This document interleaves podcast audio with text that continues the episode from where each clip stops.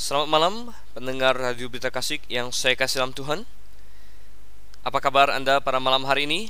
Salam damai sejahtera Dari Sunter AM 828 Radio Berita Kasih Saya Dr. Steven Einstein Liao Dan kini kita memasuki acara kita Mutiara Kebenaran Sekali lagi Salam damai sejahtera Saudara yang kasih Tuhan Anda yang sudah mengikuti acara Mutiara Kebenaran tentu sudah bersiap-siap untuk mengikuti selama satu jam ke depan pembahasan-pembahasan firman Tuhan, terutama yang berasal dari Perjanjian Lama. Dan kita sekarang sudah berada dalam seri imamat. Ada 39 kitab dalam Perjanjian Lama, dari Kejadian sampai dengan Maleaki. Dan Perjanjian Lama memang sebenarnya sekitar dua kali atau bahkan lebih tiga kali lebih panjang daripada Perjanjian Baru.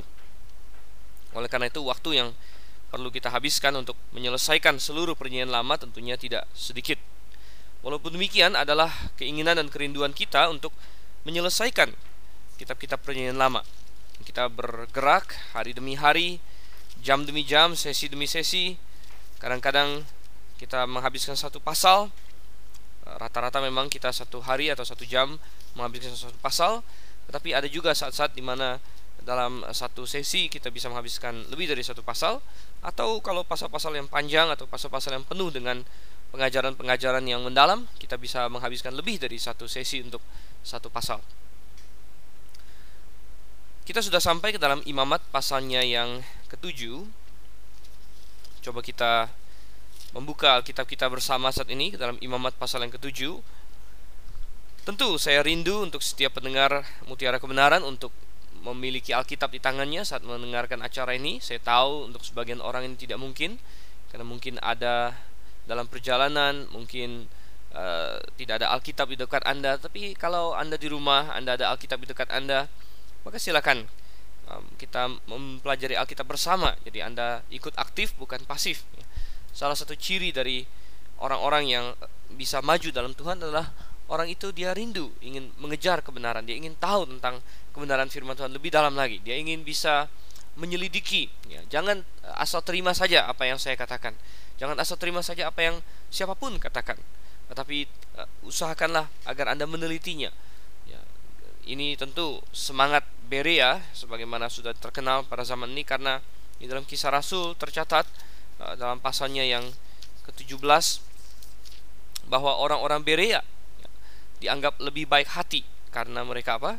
Dalam kisah Rasul 17 ayat 11 dikatakan orang-orang Yahudi di kota itu lebih baik hatinya daripada orang-orang Yahudi di Tesalonika karena mereka menerima firman itu dengan segala kerelaan hati dan setiap hari mereka menyelidiki kitab suci untuk mengetahui apakah semuanya itu benar demikian.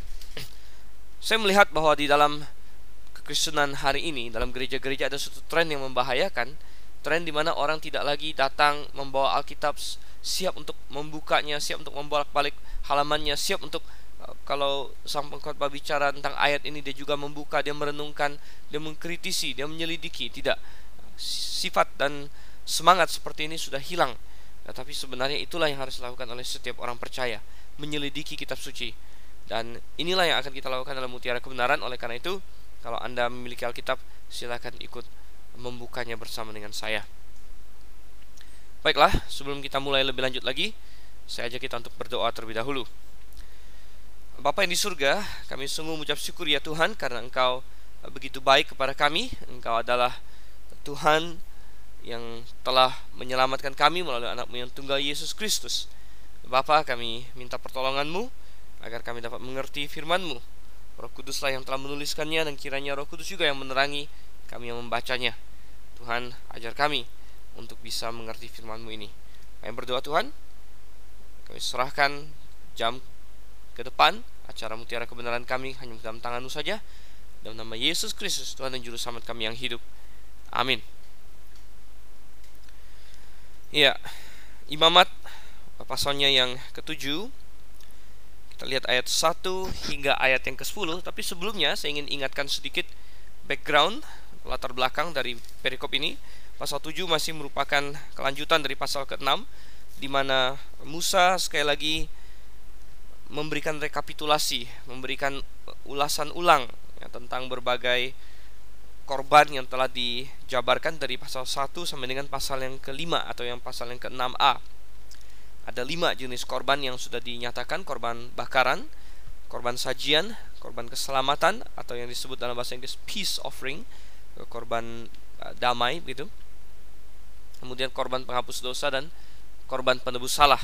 Dalam pasal 6 kita sudah mengunjungi ulang korban bakaran, korban sajian dan korban penghapus dosa. Masih ada dua lagi yaitu korban penebus salah dan korban keselamatan yang dijabarkan lebih mendetil, diberikan berbagai aturan khusus untuk imam untuk melakukannya, bagaimana bagaimana melakukannya di pasal yang ketujuh ini. Nah, jadi kita akan memperhatikan ini. Yang pertama kita akan melihat korban penebus salah dalam Imamat pasal 7 ayat 1 sampai yang ke-10. Saya bacakan. Inilah hukum tentang korban penebus salah. Korban itu ialah persembahan maha kudus di tempat orang menyembelih korban bakaran, di situlah harus disembelih korban penebus salah, dan darahnya haruslah disiramkan pada mesbah itu sekelilingnya. Segala lemak dari korban itu haruslah dipersembahkan, yakni ekornya yang berlemak, dan lemak yang menutupi isi perut, dan lagi kedua buah pinggang dan lemak yang melekat padanya, yang ada pada pinggang dan umbai hati, yang harus dipisahkan beserta buah pinggang itu. Haruslah imam membakar semuanya itu di atas mesbah sebagai korban api-apian bagi Tuhan. Itulah korban penebus salah. Setiap laki-laki di antara para imam haruslah memakannya. Haruslah itu dimakan di suatu tempat yang kudus. Itulah bagian maha kudus. Seperti halnya dengan korban penghapus dosa, demikian juga halnya dengan korban penebus salah. Satu hukum berlaku atas keduanya. Imam yang mengadakan pendamaian dengan korban itu bagi dialah korban itu. Imam yang mempersembahkan korban bakaran seseorang, bagi dia juga kulit korban bakaran yang dipersembahkannya itu.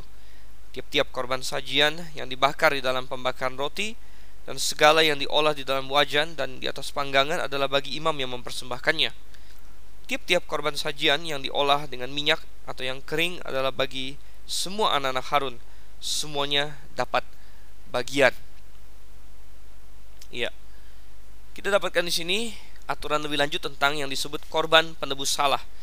Dan kita diingatkan di sini di dalam um, ayatnya yang ke 7 dikatakan di sini bahwa korban penghapus dosa dengan korban penebus salah pada hakikatnya satu hukum berlaku atas keduanya. Ini menunjukkan betapa dekatnya korban penebus salah dengan korban penghapus dosa. Nah, kita sudah bahas mengenai hal ini di sesi yang lalu dan letak perbedaannya adalah bahwa dalam korban penghapus dosa itu ada banyak jenis.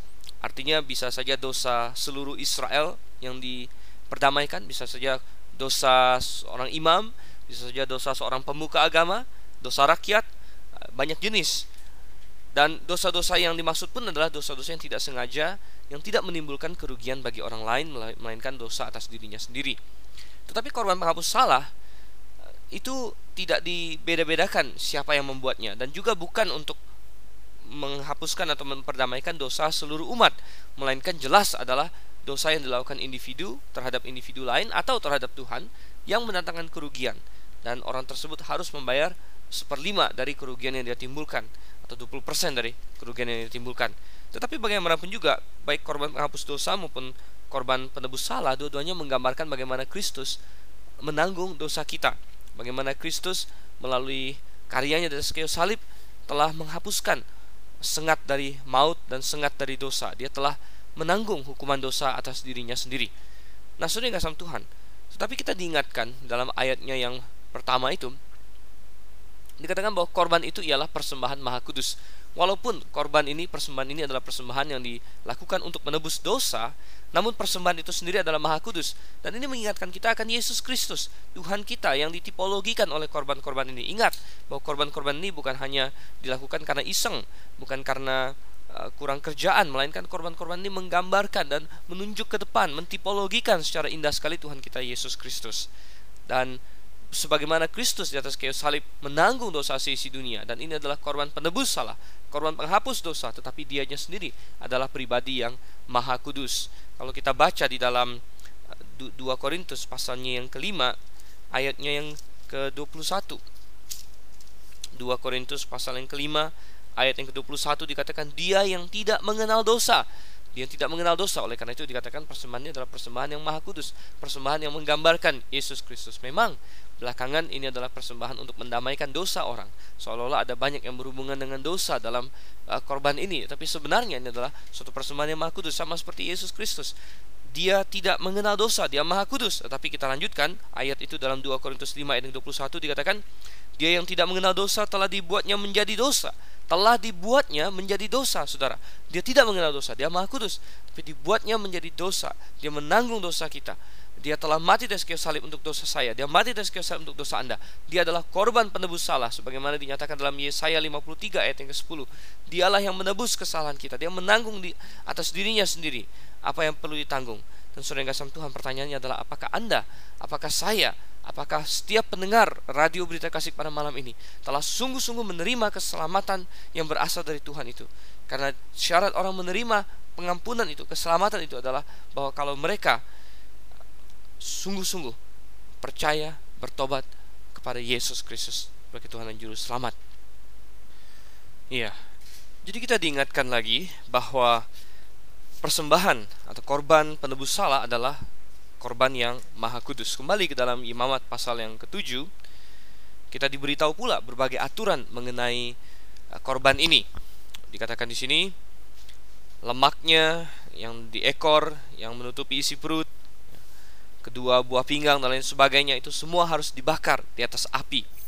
Setelah itu barulah sisa dagingnya itu dimakan oleh para imam. Dan proses memakan daging dari domba ini juga melambangkan sesuatu yaitu tadi melambangkan mengaplikasikan penebusan itu atas dirinya. Jadi Yesus Kristus telah mati di kayu salib dan telah menyelesaikan dosa Anda dan dosa saya. Tetapi itu tidak akan ada gunanya bagi Anda dan saya kecuali kalau kita menerima Dia, percaya kepada Dia. Coba kita bandingkan ini dengan Yohanes pasalnya yang ke-6 kita bandingkan dengan Yohanes pasal yang ke-6. Dan Yohanes pasal yang ke-6 ini sangat unik karena di sini Yesus menyatakan dirinya sebagai roti hidup. Ya. Coba kita bandingkan di dalam Yohanes 6 ayat yang ke-33 misalnya. Karena roti yang dari Allah ialah roti yang turun dari sorga dan yang memberi hidup kepada dunia. Maka kata mereka kepadanya, Tuhan berikanlah kami roti itu senantiasa. Ayat 35, kata Yesus kepada mereka, Akulah roti hidup barang siapa datang kepadaku ia tidak akan lapar lagi dan barang siapa percaya kepadaku ia tidak akan haus lagi. Perhatikan bahasa figuratif yang dipakai di sini. Yesus mengandaikan dirinya sebagai roti hidup. Artinya, manusia di muka bumi ini perlu roti untuk hidup, Saudara.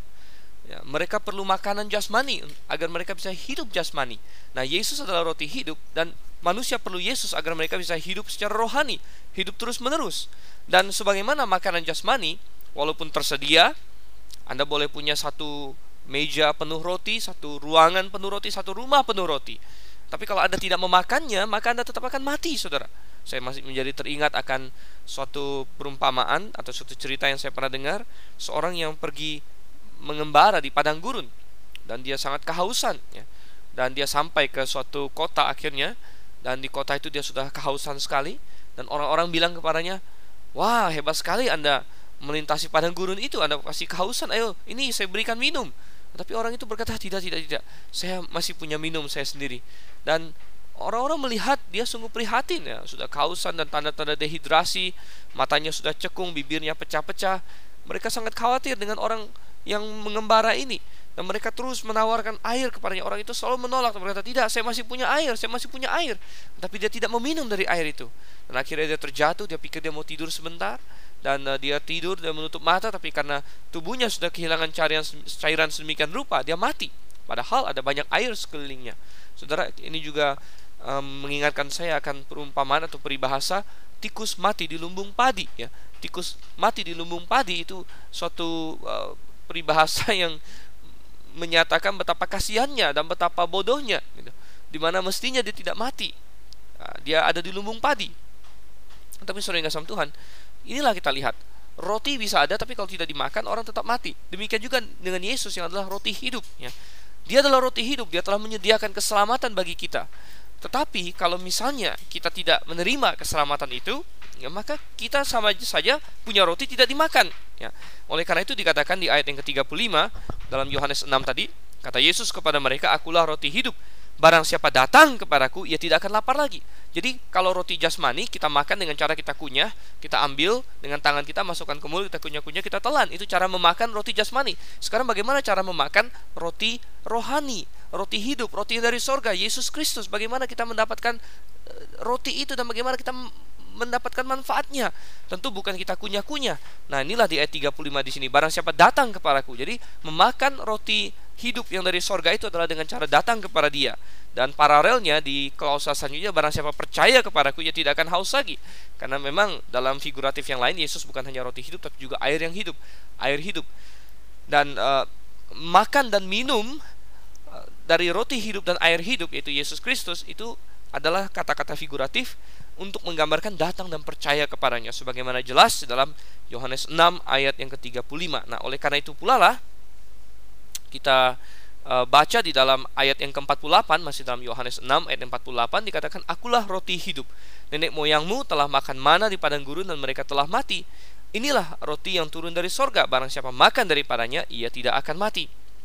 Akulah roti hidup yang telah turun dari sorga. Jikalau seseorang makan dari roti ini, ia akan hidup selama-lamanya dan roti yang kuberikan itu ialah dagingku dan yang akan kuberikan untuk hidup dunia ayat 52 dan seterusnya, orang-orang Yahudi bertengkar antara sesama mereka dan berkata, bagaimana ia ini dapat memberikan dagingnya kepada kita untuk dimakan? Maka kata Yesus kepada mereka, aku berkata kepadamu sesungguhnya jikalau kamu tidak makan daging anak manusia dan minum darahnya, kamu tidak mempunyai hidup di dalam dirimu. Barang siapa makan dagingku dan minum darahku, ia mempunyai hidup yang kekal dan aku akan membangkitkan dia pada akhir zaman. Sebab dagingku adalah benar-benar makanan dan darahku adalah benar-benar minuman.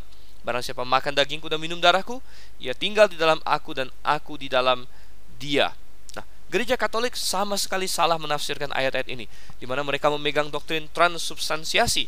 Katanya, kalau misalnya imam ya dalam misa misa perjamuan mereka dan ada eukaristi yang mereka sebut misa eukaristi dan ada hosti ya roti-roti yang sudah mereka bikin yang bulat-bulat itu dan menurut doktrin Katolik, doktrin transubstansiasi, ketika imam selesai mengucapkan doa, maka terjadi transubstansiasi atau perubahan substansi, nah, di mana roti yang dipegang oleh imam itu berubah menjadi daging Yesus dan anggur yang dipegangnya berubah menjadi darahnya secara benar-benar ya. Jadi mereka benar-benar makan daging istilahnya. Dan uh, tentu ini adalah suatu hal yang sangat menghujat sebenarnya. Jadi Yesus Kristus bagaikan kita kunyah-kunyah dagingnya Padahal ini adalah bahasa figuratif kalau kita bandingkan dengan Yohanes 6 ayat 33 itu tadi, ayat 35. Di mana makan dan minum adalah datang dan percaya kepadanya. Dan ini adalah uh, sesuatu yang figuratif. Dan Yesus mengatakan dia menyerahkan dagingnya, benar. Karena cara dia menyelamatkan adalah dengan dagingnya tercabik-cabik. Dia disalibkan, dagingnya ditusuk oleh paku, tusuk oleh tombak ya, di apa cambuk sedemikian rupa, darahnya tertumpah. Oleh karena itu dikatakan dia uh, me memberikan dagingnya dan darahnya bagi kita.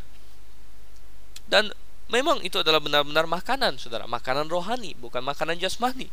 Jika Yesus mengatakan makanan di sini, dia maksud adalah makanan rohani, bukan makanan jasmani. Makanan rohani tidak dikunyah-kunyah, melainkan diterima dengan iman.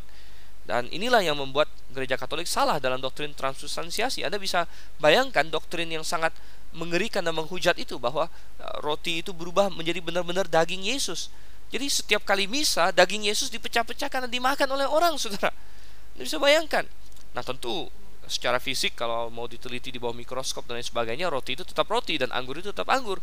Oleh karena itu uh, doktrin Katolik menciptakan sesuatu yang aneh. Mereka bilang bahwa oh ini terjadi suatu perubahan secara misterius di mana sebenarnya berubah tapi tidak bisa dideteksi oleh manusia. Ini kan sesuatu yang aneh Saudara. Kalau mereka bilang itu berubah menjadi daging tapi masih roti lalu mereka bilang perubahannya misterius dan lain sebagainya, itu adalah suatu hal yang aneh-aneh sekali. Dan tentu saja ini bertentangan dengan Alkitab juga karena dengan cara demikian Katolik harus mengatakan bahwa setiap kali mereka melakukan misa, Yesus kembali berkorban. Darahnya kembali tercurah. Uh, dagingnya kembali dipecah-pecahkan ya. Dan ini terjadi satu hari entah berapa kali. Anda bisa bayangkan ada berapa katedral di seluruh dunia, ada berapa cabang gereja Katolik. Setiap minggu berapa banyak yang melakukan misa, berapa kali Yesus kembali disalibkan oleh mereka, darahnya kembali dicurahkan, dagingnya kembali eh, dipecah-pecahkan oleh orang-orang yang memegang doktrin transubstansiasi ini. Padahal di dalam Alkitab, dalam Ibrani, coba kita baca, ya Ibrani um, ayat uh, ada banyak sekali, kita buka beberapa. Ibrani pasal 10 misalnya, Ibrani uh, pasal yang ke-10 ya. ayatnya misalnya yang ke-10 dan karena kehendaknya inilah kita telah dikuduskan satu kali untuk selama-lamanya oleh persembahan tubuh Yesus Kristus. Jadi satu kali untuk selama-lamanya katanya. Kalau kita uh, bandingkan juga ya, dengan ayat yang ke-11, selanjutnya setiap iman imam sorry melakukan tiap-tiap hari pelayanannya dan berulang-ulang mempersembahkan korban yang sama yang sama sekali tidak dapat menghapuskan dosa. Tetapi ia setelah mempersembahkan hanya satu korban saja karena dosa, ia duduk untuk selama-lamanya di sebelah kanan Allah. Jadi Alkitab dalam Ibrani jelas sekali mengatakan bahwa Yesus hanya perlu satu kali saja mempersembahkan dirinya, yaitu di atas kayu salib 2000 tahun yang lalu. Dia tidak setiap kali orang melakukan misa lalu mempersembahkan dirinya lagi. Itu adalah suatu penghujatan. Itu adalah suatu hal yang tidak mungkin. Jadi kita melihat Nah, Kembali ke dalam imamat, hubungannya adalah bahwa ketika para imam disuruh untuk makan dari eh, binatang-binatang yang dipersembahkan ini ini melambangkan itu tadi mengambil bagian dalam korban itu menerima korban itu menerima Yesus Kristus sebagai Tuhan dan juru selamat makan dari persembahan yang kudus itu. Oke ayat yang ke-8 dalam imamat pasal yang ke-7 ya berbicara sedikit mengenai korban bakaran lagi ya karena masih berhubungan dengan apa yang diperoleh oleh imam dan lain sebagainya. Jadi di sini kita melihat ya dia berbicara mengenai uh, korban bakaran, kulit korban bakaran. Jadi kita waktu di bagian korban bakaran berbicara bahwa korban bakaran adalah satu-satunya korban yang tidak dimakan sama sekali oleh imam karena semuanya dibakar, lemaknya, dagingnya semua dibakar. Korban-korban yang lain dimakan oleh imam. Korban sajian sebagian dibakar, sebagian untuk imam. Korban uh, keselamatan dimakan oleh imam sebagiannya selain lemak-lemaknya. Korban penghapus dosa juga demikian. Korban penebus salah juga demikian kita lihat. Korban bakaran adalah satu-satunya yang tidak dimakan dagingnya. Tapi walaupun dagingnya tidak dimakan, tapi kulitnya di sini diambil dan diberikan kepada imam yang kebetulan bertugas untuk mempersembahkan korban bakaran itu. Nah, jadi dia mendapatkan kulitnya. Dan kulit ini tentu saja melambangkan sesuatu yang menutupi, saudara. Ya, bagaikan suatu pakaian yang menutupi. Dan pakaian atau kulit yang menutupi ini juga bagaimana setiap orang yang berada dalam Yesus Kristus yang sudah mengambil bagian dalam korban tadi yang sudah diselamatkan oleh pengorbanan Yesus Kristus dari kayu salib itu ditutupi dosa-dosanya oleh darah Yesus Kristus. Kita bicara mengenai kata pendamaian. Kata pendamaian adalah kata yang sangat prominent di dalam kitab Imamat. Kalau kita baca di dalam uh, Imamat pasal yang pertama waktu itu ayat yang keempat dikatakan di situ, lalu ia harus meletakkan tangannya ke atas kepala korban bakaran itu sehingga baginya persembahan itu diperkenankan untuk mengadakan pendamaian baginya, pendamaian baginya. Dan kita sudah mengatakan juga bahwa kata pendamaian di situ berasal dari kata kafar yang artinya menutupi. Jadi pendamaian adalah bagaimana Yesus Kristus, kebenaran Yesus Kristus menutupi kita yang berdosa kita memang berdosa, tetapi kebenaran Yesus Kristus menutupi setiap orang yang percaya kepadanya. Kita buka dalam Roma uh, pasalnya yang ketiga, Roma pasal 3 ayat yang ke-22. Di sini katakan yaitu kebenaran Allah karena iman dalam Yesus Kristus bagi semua orang yang percaya. Jadi kebenaran Allah dalam karena iman dalam Yesus Kristus bagi semua yang percaya. Menarik sekali bahwa kembali dalam Imamat pasal 7 tiap-tiap iman yang mempersembahkan korban bakaran itu yang melambangkan orang percaya yang mengambil bagian dalam karya penyelamatan Yesus Kristus mendapatkan kulit dari sang korban tersebut.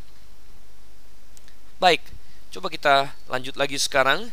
Kita akan masuk ke dalam korban keselamatan. Dan korban keselamatan ada dari ayat yang ke-11 sampai dengan ayatnya yang ke-21. Kembali ke Imamat pasal 7 ayat 11 sampai ayat yang 21. Saya akan bacakan. Inilah hukum tentang korban keselamatan yang harus dipersembahkan orang kepada Tuhan.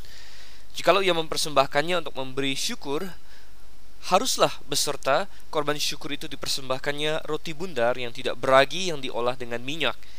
dan roti tipis yang tidak beragi yang diolesi dengan minyak, serta roti bundar dari tepung yang terbaik yang teraduk yang diolah dengan minyak. Ia harus mempersembahkan persembahannya itu beserta dengan roti bundar yang beragi di samping korban syukur yang menjadi korban keselamatannya. Dan daripadanya, yakni dari setiap bagian persembahan itu, haruslah dipersembahkannya satu roti sebagai persembahan khusus bagi Tuhan. Persembahan itu adalah bagian imam yang menyiramkan darah korban keselamatan. Dan daging korban syukur yang menjadi korban keselamatannya itu haruslah dimakan pada hari dipersembahkannya itu. Sedikit pun daripadanya janganlah ditinggalkan sampai pagi. Jikalau korban sembelihan yang dipersembahkan itu merupakan korban nazar atau korban sukarela, haruslah itu dimakan pada hari mempersembahkannya, dan yang selebihnya boleh juga dimakan pada keesokan harinya. Tetapi apa yang masih tinggal dari daging korban sembelihan itu sampai hari yang ketiga, haruslah dibakar habis dengan api. Karena jikalau pada hari yang ketiga masih dimakan dari daging korban keselamatan itu, maka Tuhan tidak berkenan akan orang yang mempersembahkannya dan korban itu dianggap batal baginya. Bahkan menjadi sesuatu yang jijik dan orang yang memakannya harus menanggung kesalahannya sendiri. Bila daging itu kena pada sesuatu yang najis, janganlah dimakan, tetapi haruslah dibakar habis dengan api. Tiap-tiap orang yang tahir boleh memakan dari daging korban itu. Tetapi seorang seseorang yang memakan daging dari korban keselamatan yang untuk Tuhan, sedang ia dalam keadaan najis, harusnya nyawa orang itu dilenyapkan dari antara bangsanya. Dan apabila seseorang kena kepada sesuatu yang najis, yakni kepada kenajisan berasal dari manusia, atau kepada hewan yang najis, atau kepada setiap binatang yang merayap yang najis, lalu memakan daripada daging korban keselamatan yang untuk Tuhan, maka harusnya nyawa orang itu dilenyapkan dari antara bangsanya. Ya. Korban keselamatan adalah korban terakhir yang kita review. Dan kita sudah melihat korban ini melambangkan suatu hubungan antara orang percaya dengan Yesus Kristus. Kata keselamatan di sini adalah terjemahan yang kurang tepat sebenarnya. Kita sudah bahas dalam pasal yang ketiga. Yang lebih tepat adalah uh, peace offering di dalam bahasa Inggris dalam King James Version. Dikatakan peace offering dalam bahasa Ibrani-nya dari kata shalomim. Dan kita mendapatkan ini melambangkan hubungan orang percaya yang sudah harmonis dengan Allah dengan Yesus Kristus ketika dia sudah diselamatkan. Jadi dia ada dalam kondisi damai. Tadinya dia adalah seteru dengan Allah, maka kini dia dalam kondisi damai. Oleh karena itu, kita melihat bahwa salah satu ciri dari uh, korban ini adalah bahwa dia dipersembahkan secara sukarela. Setiap orang yang sudah berada dalam Yesus Kristus dia secara sukarela kapan saja hatinya mengingat akan betapa hebatnya keselamatan yang dia terima, dia boleh mempersembahkan korban ini.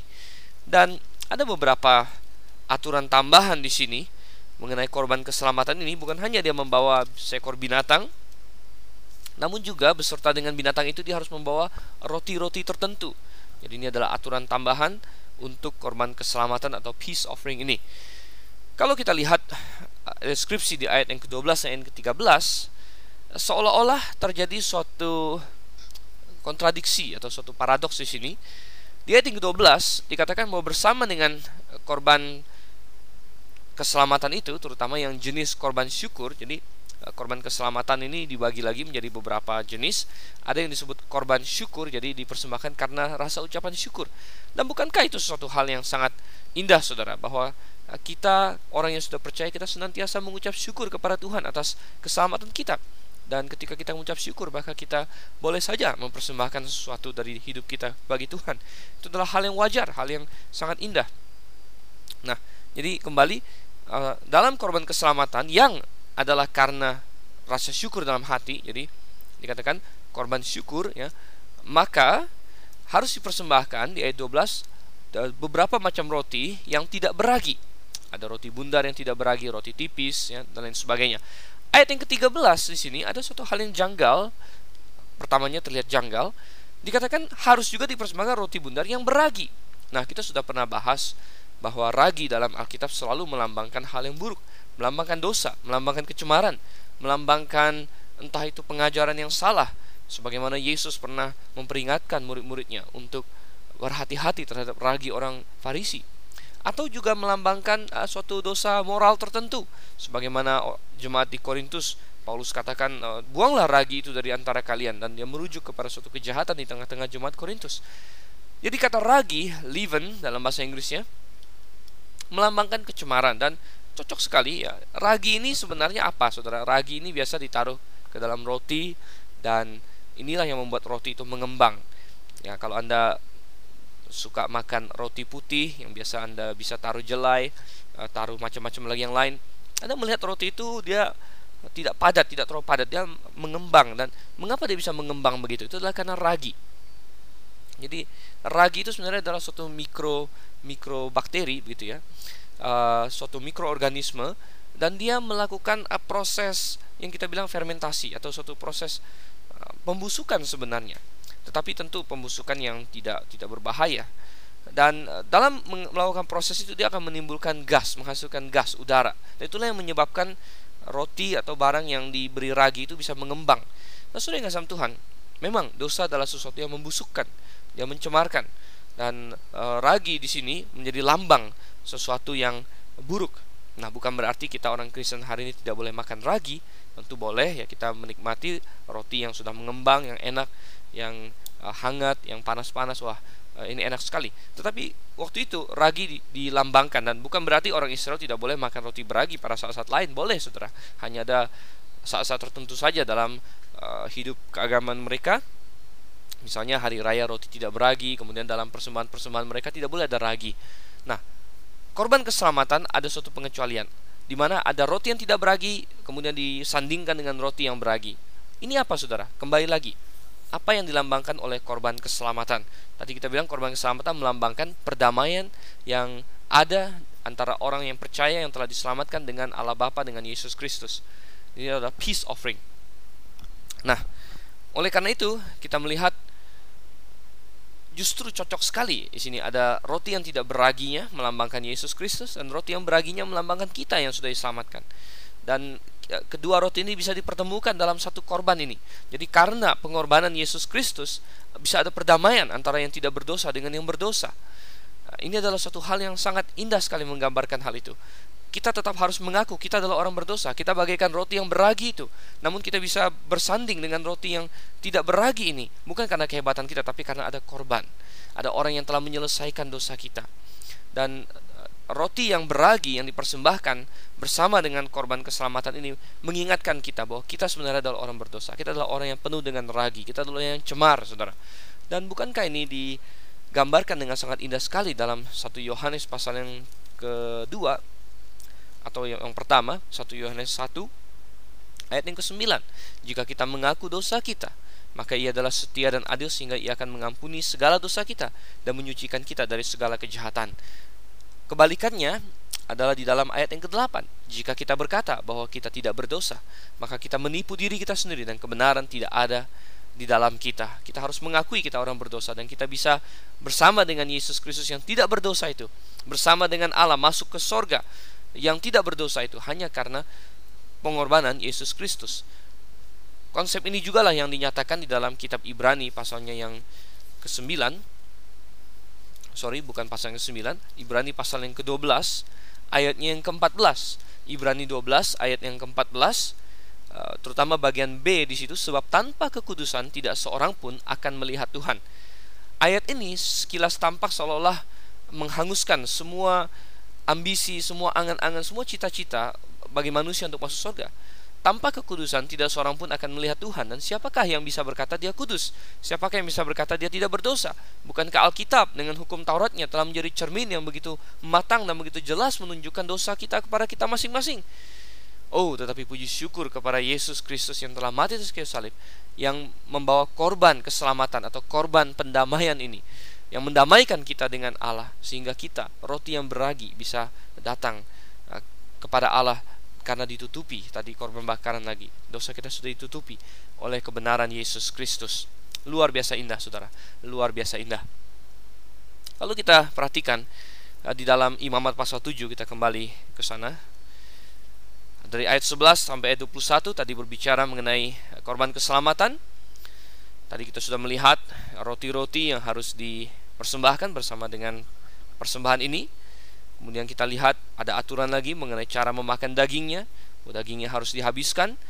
dan uh, terutama ayat yang ke 19 sampai ayat yang ke-21 di situ berbicara mengenai bagaimana persembahan ini tentu saja tidak boleh dinodai ya dinodai orang-orang yang najis orang yang uh, cemar dan kenajisan di dalam perjanjian lama juga melambangkan dosa tentunya kita nanti kita akan lihat di sepanjang kitab imamat ada berbagai hukum tentang kenajisan yang menyentuh mayat misalnya um, bahkan haid ya atau uh, kondisi-kondisi lain setelah melahirkan dan lain sebagainya Padahal sebenarnya secara kedokteran, eh, secara real juga tidak ada yang salah, tapi itu dipergunakan sebagai lambang kenajisan.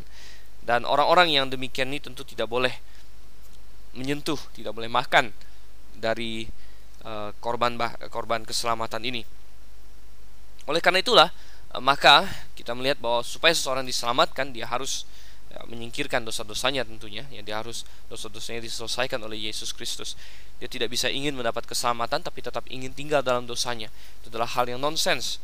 Banyak orang berpikir bahwa percaya Yesus Kristus adalah sekedar asuransi neraka saudara. Uh, bagaikan asuransi kebakaran ya. Ya saya percaya Yesus Kristus saya diselamatkan saya pasti masuk surga dan saya tetap mau di dalam dosa-dosa saya. Itu adalah nonsens kita harus percaya dan bertobat. Bertobat dan percaya itu adalah satu paket penginjilan yang kurang menekankan pertobatan adalah penginjilan yang timpang, penginjilan yang hanya menjanjikan keselamatan tanpa memberitahu dia bahwa dia adalah orang berdosa dan Allah sangat benci dosanya dan bahwa dia harus setuju dengan Allah, dia harus menyesal dan juga membenci dosanya untuk bisa diselamatkan. Dan uh, itulah yang uh, digambarkan di sini. Baik, Saudara yang Tuhan, coba kita lihat lagi dari ayat yang ke-22 sampai dengan ayat yang ke-27 di sini. Imamat pasal 7 ayat 22 sampai 27 dan kita akan baca Tuhan berfirman kepada Musa Katakanlah kepada orang Israel segala lemak dari lembu, domba ataupun kambing janganlah kamu makan. Lemak bangkai atau lemak binatang yang mati diterkam boleh dipergunakan untuk segala keperluan tetapi jangan sekali-kali kamu memakannya.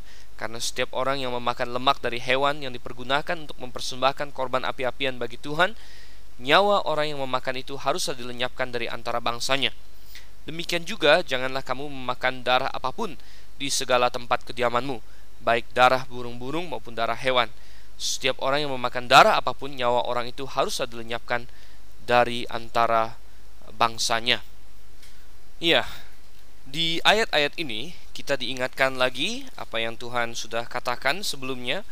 Pertama-tama bahwa orang Israel janganlah memakan lemak dari binatang yang dipersembahkan kepada Tuhan dan ini tentunya mengajarkan beberapa hal. Pertama kita tahu bahwa pada zaman itu orang menganggap lemak sebagai bagian yang terbaik dari seekor binatang.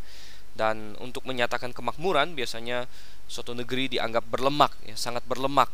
Uh, suatu orang ataupun manusia yang gemuk, yang berlemak dianggap adalah makmur dan barulah di dunia modern sekarang di mana orang sangat tergila-gila dengan fashion dan uh, dicekoki dengan gambaran wanita-wanita yang super slim yang ya digambarkan itu sangat menarik. Barulah di zaman modern ini orang berlomba-lomba untuk menguruskan dirinya. Kalau kita lihat 200-300 tahun yang lalu orang yang kurus justru dianggap orang yang miskin yang sengsara. Dan justru yang dikejar-kejar adalah uh, orang yang gemuk. Nah tentu saja dari dunia kedokteran kita tahu saat ini bahwa terlalu gemuk adalah hal yang buruk bagi kesehatan seseorang karena menimbulkan berbagai penyakit, ya, penyempitan pembuluh darah, aterosklerosis dan lain sebagainya. Oh, dan Tuhan ya eh, tentu ingin mengajarkan sesuai dengan pola pikir zaman itu bahwa bagian lemak adalah bagian yang terbaik, bagian yang termakmur dan itu adalah untuk Tuhan. Dan ini mengajarkan eh, orang Israel bahwa yang terbaik the best is for God ya. Eh, yang terbaik adalah untuk Tuhan, yang terbaik untuk Allah.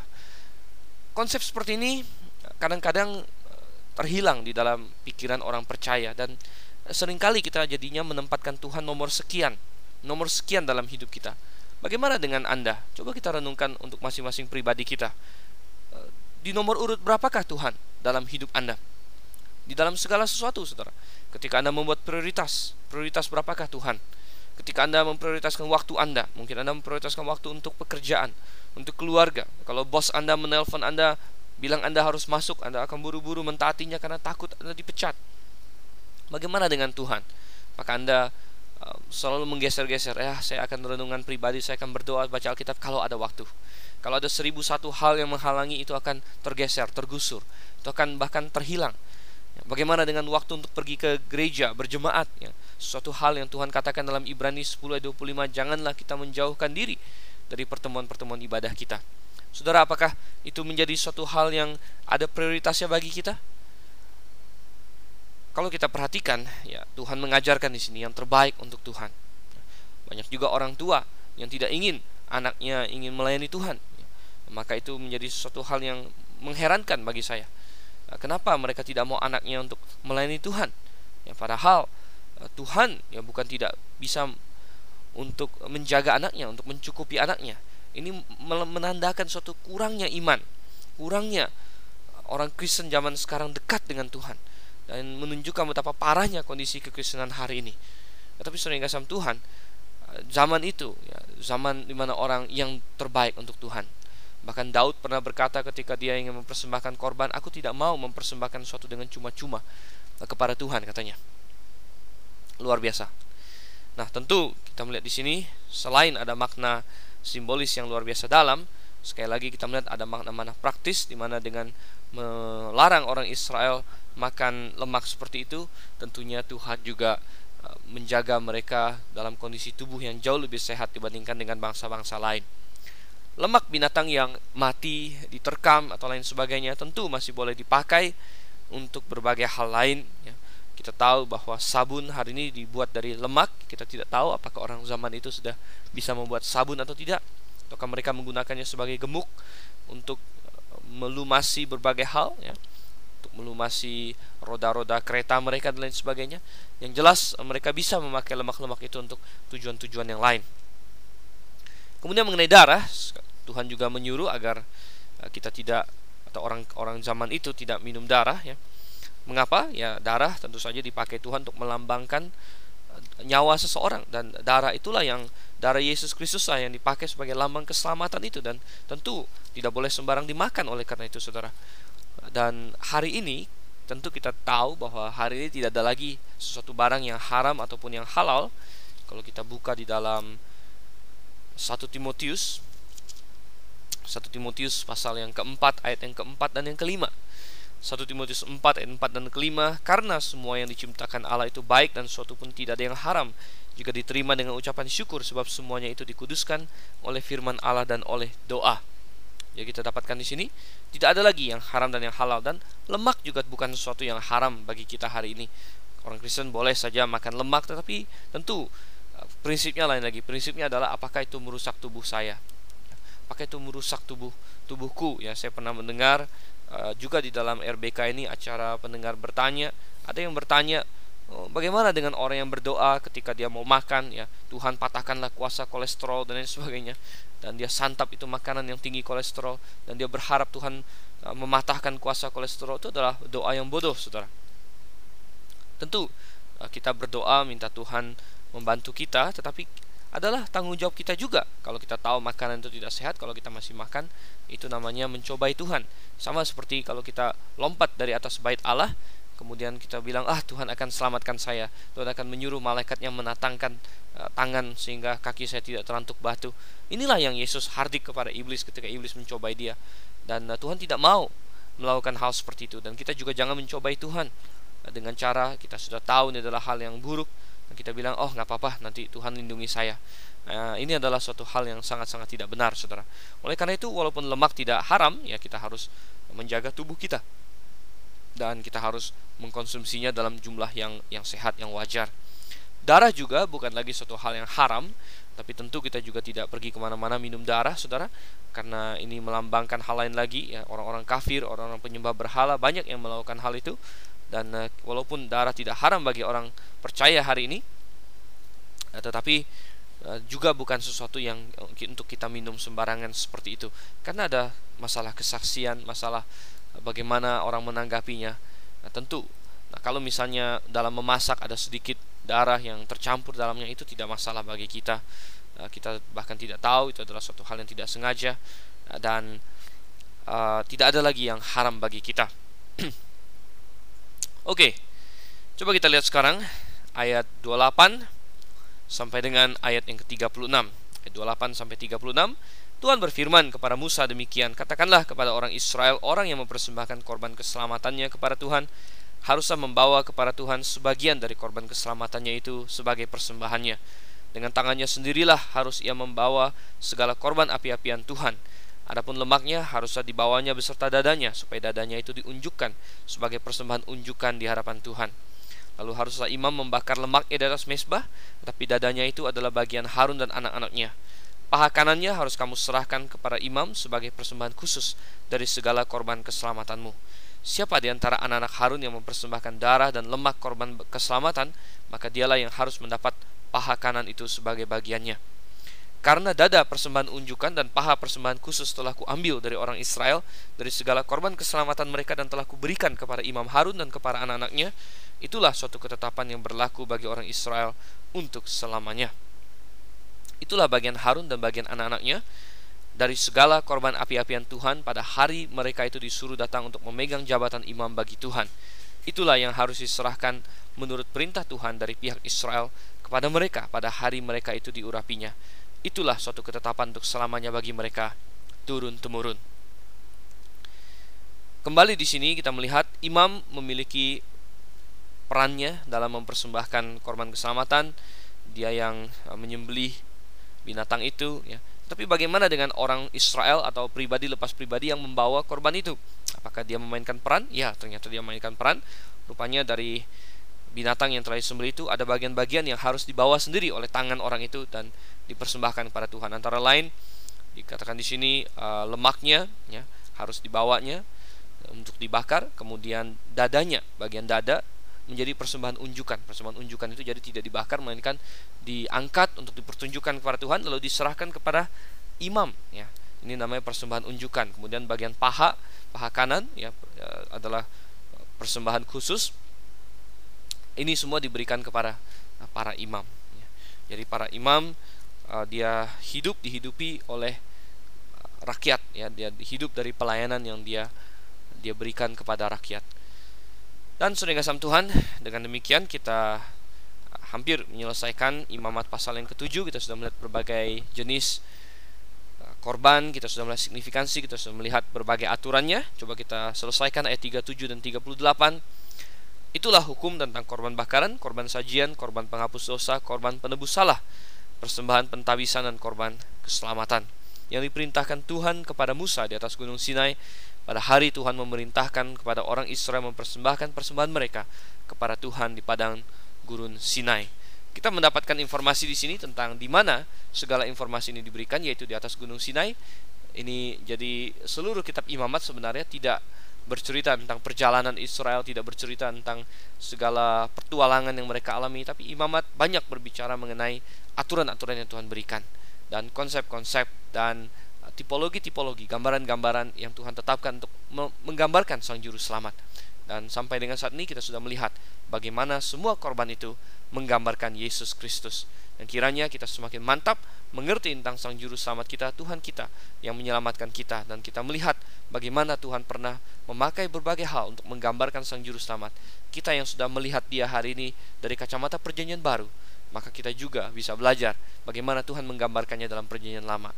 Kiranya ini menjadi suatu hal yang bermanfaat dan kita akan teruskan lagi pembahasan kita kita masuk dalam bagian yang berikutnya dalam Imamat pasal 8 itu sudah bagian yang berbeda bukan lagi berbicara berfokus pada berbagai korban melainkan kepada ibadah simbolik ada imam ada kemudian kita lihat pentabisan mereka ada binatang ada aturan-aturan ada nanti kita akan lihat tentang kekudusan tentang hari raya dan lain-lain sebagainya. Baik, sampai berjumpa kalau begitu di sesi dan kesempatan yang berikutnya. Saya Dr. Stephen Liao undur diri dulu dari harapan Anda. Selamat malam, Maranatha.